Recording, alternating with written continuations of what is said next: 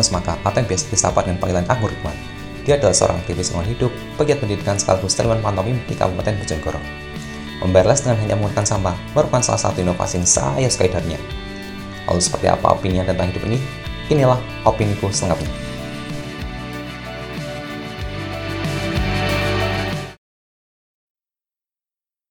Assalamualaikum teman-teman.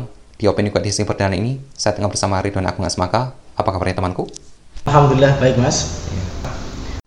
BTW lagi sibuk apa sekarang? Nah, sekarang sibuk untuk ngajar les dan keliling. Keliling dunia apa keliling rumah nih?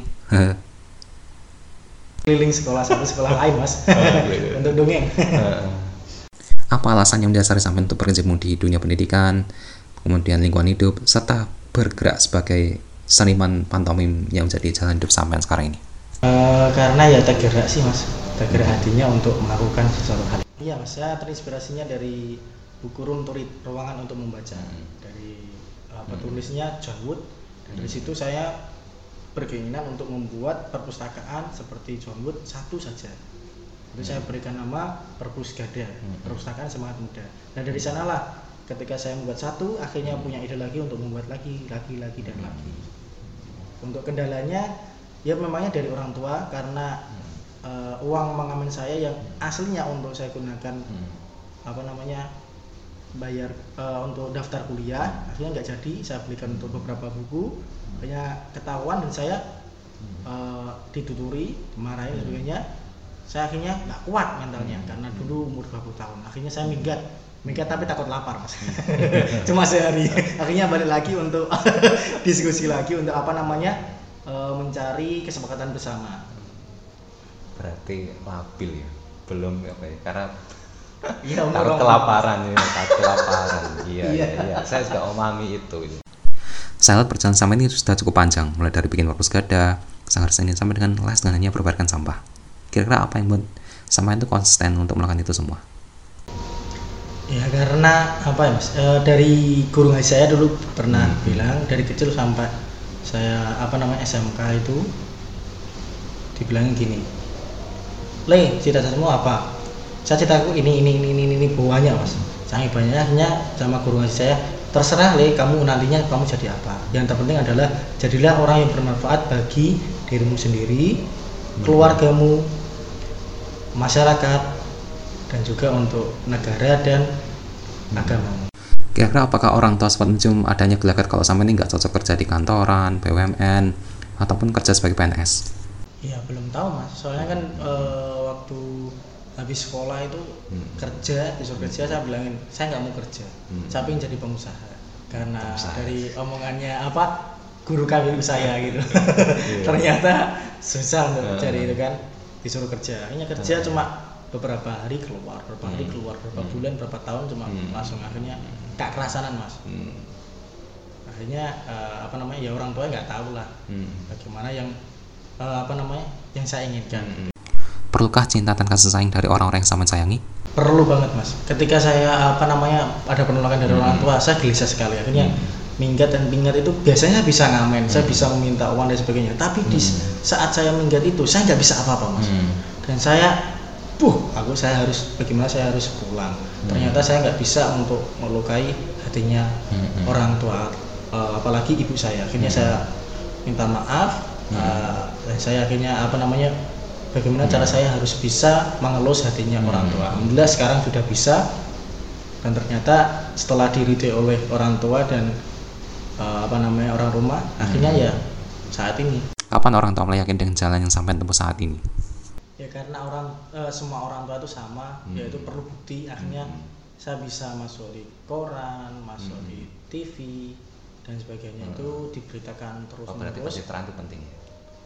Akhirnya orang tua itu apa namanya percaya saya nggak tahu mas itu nama pencerahan nggak tahu akhirnya kok percaya ya, ya udah akhirnya orang tua pun uh, kalau apa namanya habis sholat pun mendoakan hmm. saya untuk biar lebih hmm. uh, lancar lagi lah. Hmm. Seenggaknya mereka tahu, oh ternyata anakku itu mengerjakan sesuatu yang jelas, bukan yang nggak jelas gitu. Iya, memangnya nggak jelas kan, jadi ternyata jelas karena ngawur.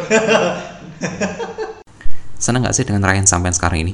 Uh, senang mas. hmm. senangnya karena apa uh, bisa mengajak orang-orang untuk kebaikan itu sejauh ini ada dukanya enggak ya dukanya ya ya dulunya sih hmm. kalau sekarang ya kalau dukanya sih untuk apa namanya perpus kelilingnya lagi mas karena kan hmm. musim hujan kan jadi kan hmm. belum bisa untuk apa namanya hmm. hmm. perpus keliling lagi terus hmm. kemarin dapat uh, apa namanya tanggapan keliling empat kota seperti hmm. itu hmm. jadi rasanya kalau enggak itu yang keliling empat kota itu dalam rangka apa ya oh itu sama apa namanya sama produk mas hmm. untuk yang itu ya? mendongeng ya? sama pantomim yang facial foam itu bukan iya iya oh iya hmm.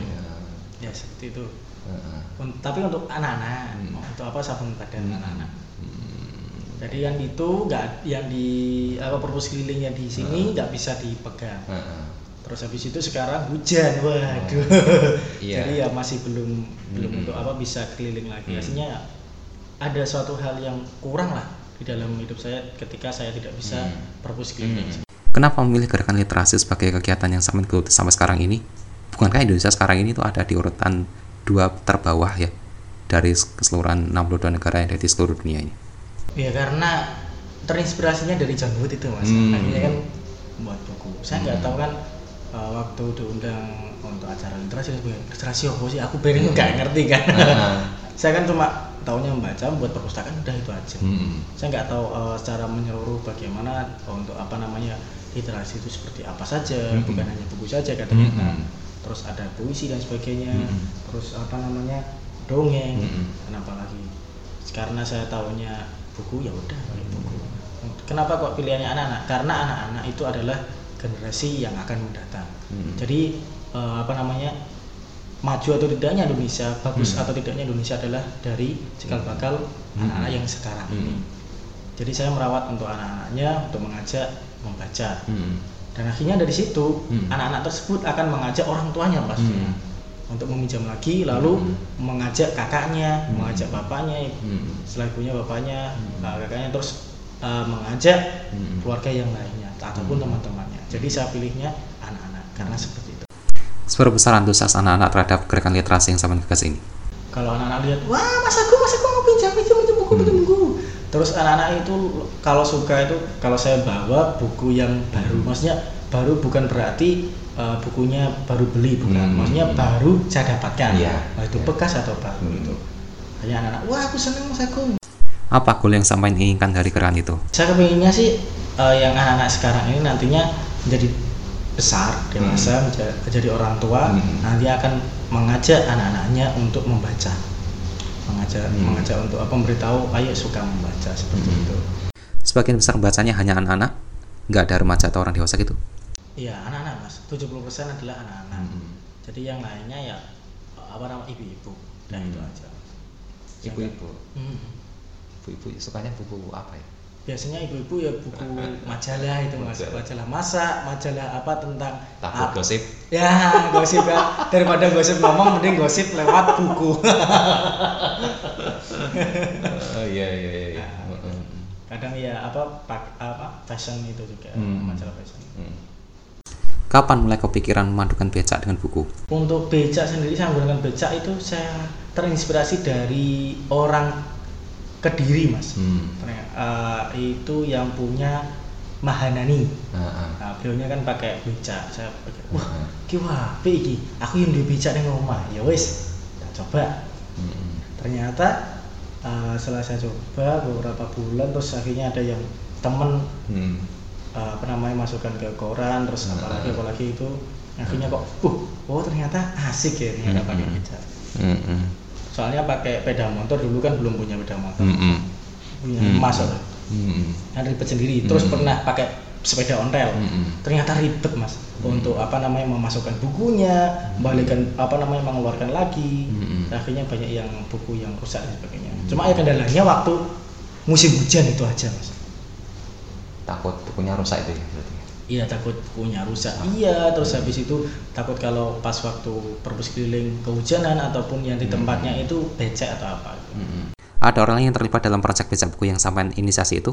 Oh ada mas. Dulu orang Tuban. Hmm. perpus kelilingnya di alun-alun dan ternyata tidak hanya orang Tuban. Dan bahkan se Indonesia pun uh, menggunakan cara lapak buku gitu mas ya, di, hampir sama ini. ya hampir sama di CFD CFD dan dulu kan sebelum uh, adanya teman-teman itu ternyata oh, saya lihat di hmm. Instagram ataupun internet dan sebagainya oh ternyata oh belum ada akhirnya saya hmm. uh, membuat hmm. untuk apa namanya perpus kelilingnya di alun-alun dulu dapat hmm. informasi uh, informasi dari teman saya hmm. coba gue uh, di alun-alun hmm. siapa tahu lebih ramai hmm. saya coba oh iya beneran itu hmm. Karena di alun-alun Bojonegoro hmm. itu waktu itu baru ketiga kali mas hmm. CFD ketiga kali baru hmm. saya itu tempat lain selain CFD di alun-alun ada oh selain di CFD kan saya kan di Mojo Kampung mas hmm.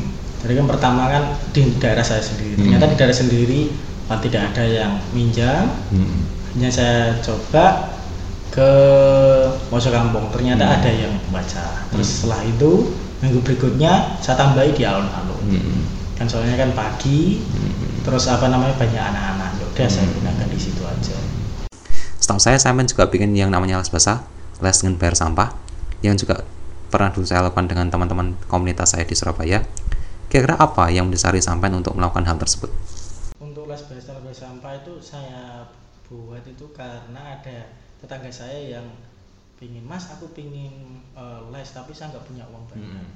saya dok saya coba. Oh oke yang rumahku wae hmm. yang di rumah saya gak usah bayar hmm. akhirnya sama orang tua doh gue ini kuliah le hmm. nah wes wes perpus keliling gratis mau sok les bayar hmm. les bayarnya gratis terus orang duit kanggo bayar kuliah bagaimana hmm. seperti itu akhirnya ya udah bayar 500 hmm. 500 masih itu wah 500 dolar dan sebagainya akhirnya saya pindah ya udah gak usah di rumah hmm. di mana tempatnya ya asik hmm. oh ya udah di dekat makam hmm. karena di tempat makam ada apa namanya space tanah yang hmm. masih hmm. bisa digunakan hmm. untuk les akhirnya di situ hmm. lesnya kan soalnya juga kan dekat sama uh, apa namanya rumahnya anak situ hmm. juga seperti itu mas uh, apa, terus bayarnya kok pakai sampah karena kan uh, perpus saya kan bayarnya pakai sama ya udah saya coba untuk bayar sampah juga sampai sekarang les bahasa masih berjalan untuk tahun ini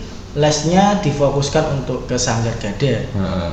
karena anak-anak akan pentas di acara panggung bocah jadi hmm. panggungnya untuk anak-anak hmm. jadi dari MC sampai penampilan semuanya adalah anak-anak hmm. dan biar apa anak-anak kan biar lebih apa ya fresh itulah hmm.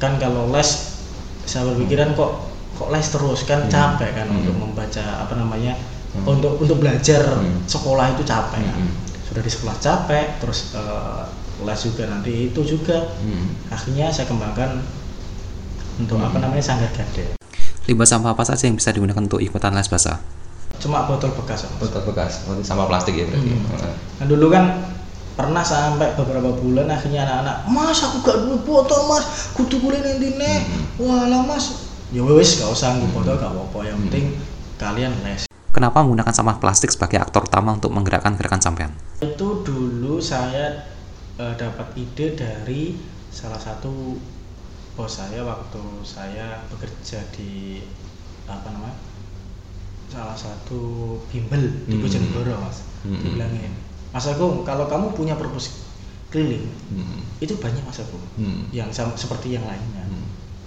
terus kalau perpustakaannya bayar pakai uang hmm. itu banyak terus itu sedikit orang yang datang terus hmm. kalau gratis cuma hanya gratis saja Mas hmm.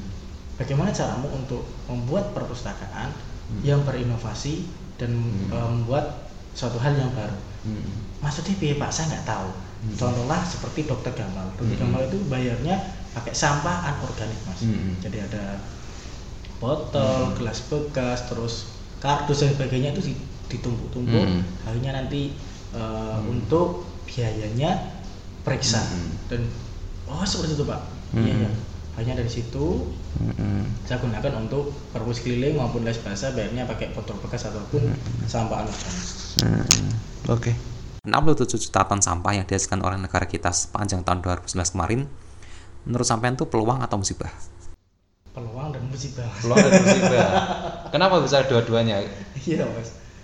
Peluang bagi yang mengetahuinya untuk apa namanya sebuah usaha. Mm -hmm. Tapi kalau musibah juga mm -hmm. karena kalau tidak ditanggulangi secara cepat mas. Hmm. saya juga kan masih masih apa namanya Hmm. uh, mencari-mencari akhirnya kan saya tahu tentang untuk botol itu bisa dimanfaatkan untuk eco break mas Heeh. nah itu mas Oh. tapi mas saya sampai sekarang masih masih belum belum terlalu bisa sih mas untuk eco break itu Pernah bikin bank sampah atau sejenisnya sebelumnya?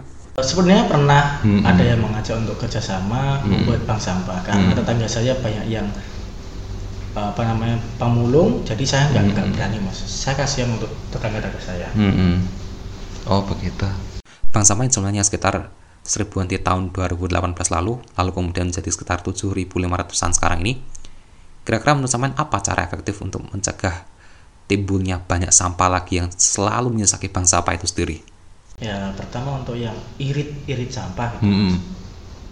kayak kalau beli apa pun Hmm. usahakan nggak usah pakai apa namanya Mm-mm. kantong plastik gitu. Hmm. Sampai sekarang masih sampai ya? Masih pakai itu kantong plastik dan sejenisnya? Iya masih mas kadang kan soalnya kan orang-orang kan "Uh, wes mbak wes mbak alah mas wes kadung mas Ah. ngono kadung Nah, berarti kalau misalnya ada yang gitu, tetap sampean ambil atau sampean tolak? saya kembalikan kadang ya orangnya wes gak usah mas go waduh ya wes Kalau semisal kantong plastik dibikin berbayar, setuju nggak? setuju mas Setuju. Setuju. Hmm. biar apa namanya orang-orang kan biar pakai tas gitu Nah, tas bawa sendiri. Nah, tas bawa sendiri. Masih suka menggunakan peralatan-peralatan berbahan plastik untuk makan dan minum?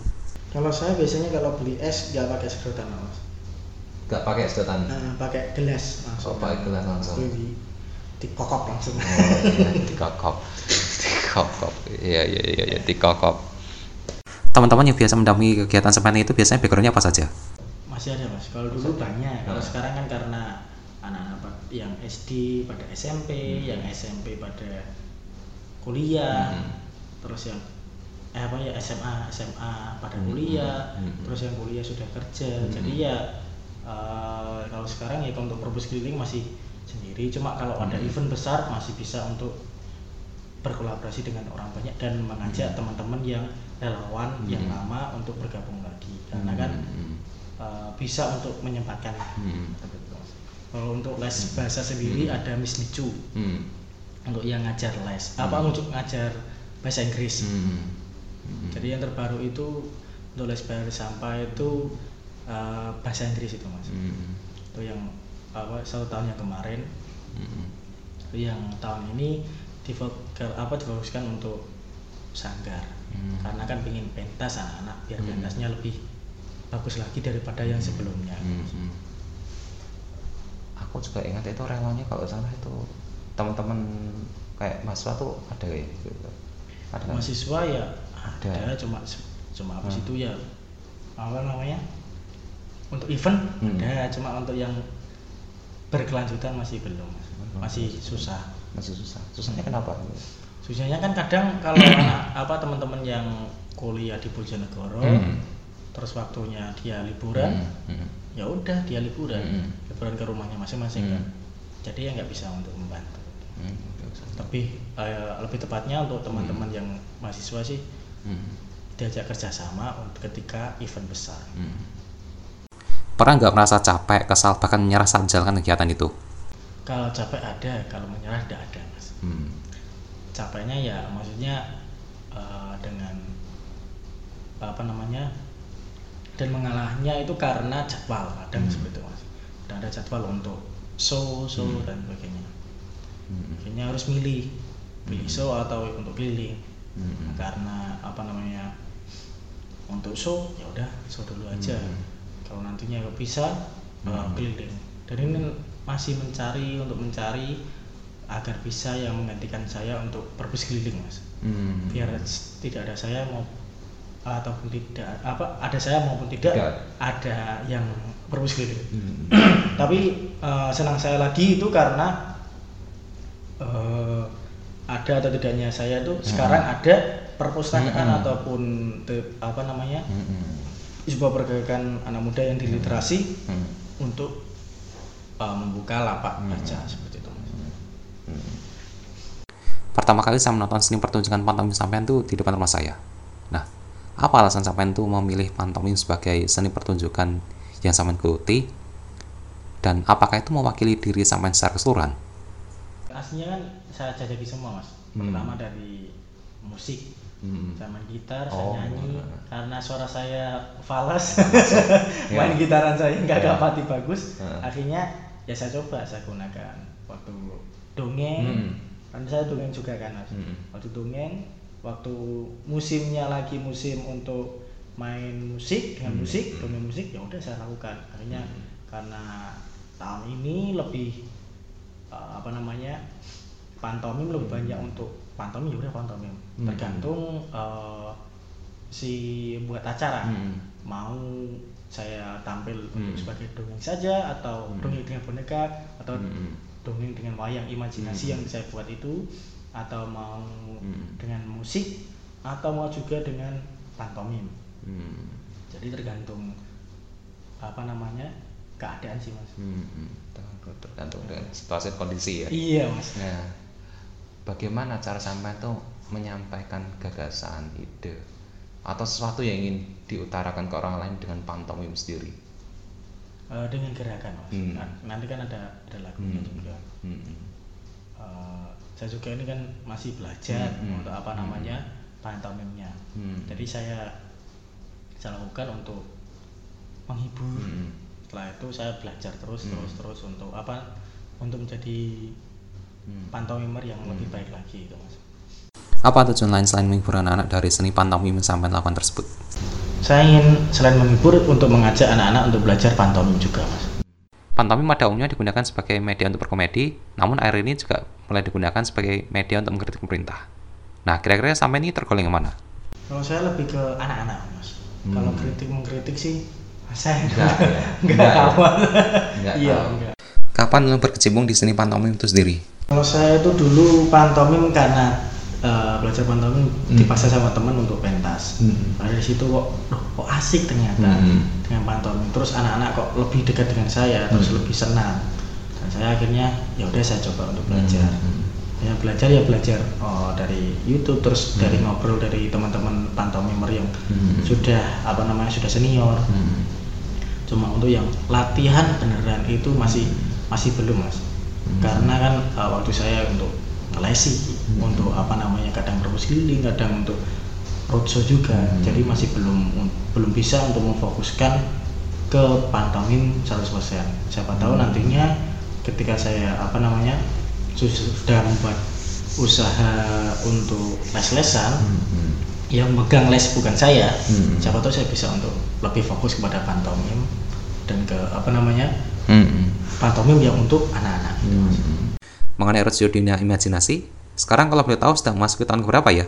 tahun kedua mas Kedua. tahun kedua atau tahun ah sih ya sudah 2017 sih Hmm. Bagaimana respon anak-anak di kota-kota yang sampean kunjungi itu?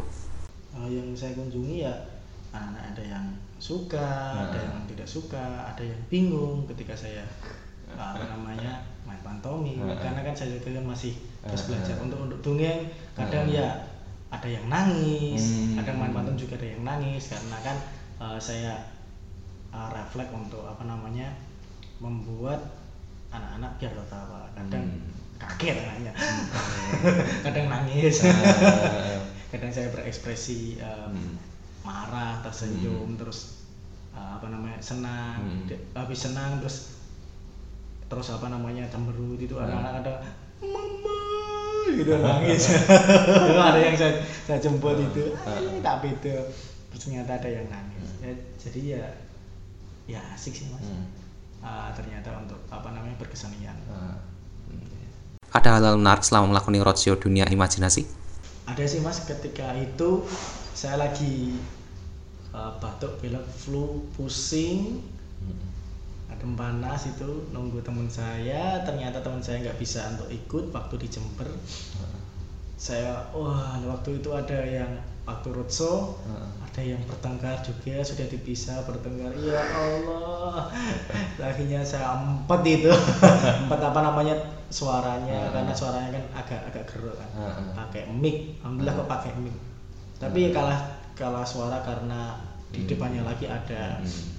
Ada sound besar untuk yang anak-anak kelas hmm. kelas berapa ya? kelas 3 sampai kelas hmm. 6 untuk hmm. acara lagi kalau untuk saya hmm. megangnya kelas 1 sama kelas 2 hmm. alhamdulillah kok langsung selesai nggak diumumkan siapa yang jadi pemenang lomba mewarnai dari situlah yang kesan saya untuk ternyata itu ketika jadi entertain hmm. itu harus uh, apa ya harus menjaga hmm.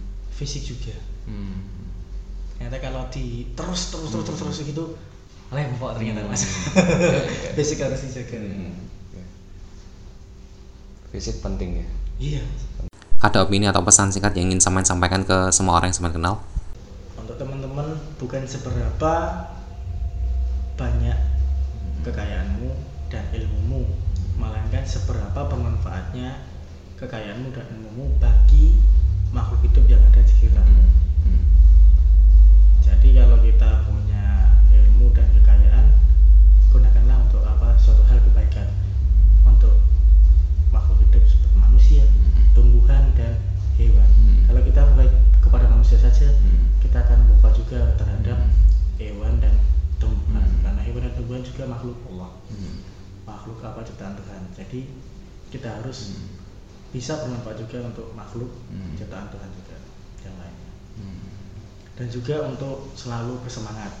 Dan untuk yang umur habis uh, eh, SMA umur 18 sampai 20-an ataupun 22 tahun uh, gunakanlah uh, apa namanya umurmu itu untuk berteman dengan orang-orang yang menurutmu hmm. baik terhadap dirimu dan juga uh, carilah teman yang sevisi dan misi ataupun yang kamu ingin belajar hmm. belajar apa namanya tentang musik. Hmm. belajarlah dengan teman-teman yang musik karena hmm teman adalah parfum. Hmm. jadi kalau kita parfumnya musik kita akan bisa musik. Kalau parfumnya kita pantomim kita akan bisa pantomim seperti saya ya parfumnya teman-teman pantomim akhirnya kita pantomim mas gitu mas. Iya, iya, iya. dan pokoknya semangat nasib nekat serupol iya iya iya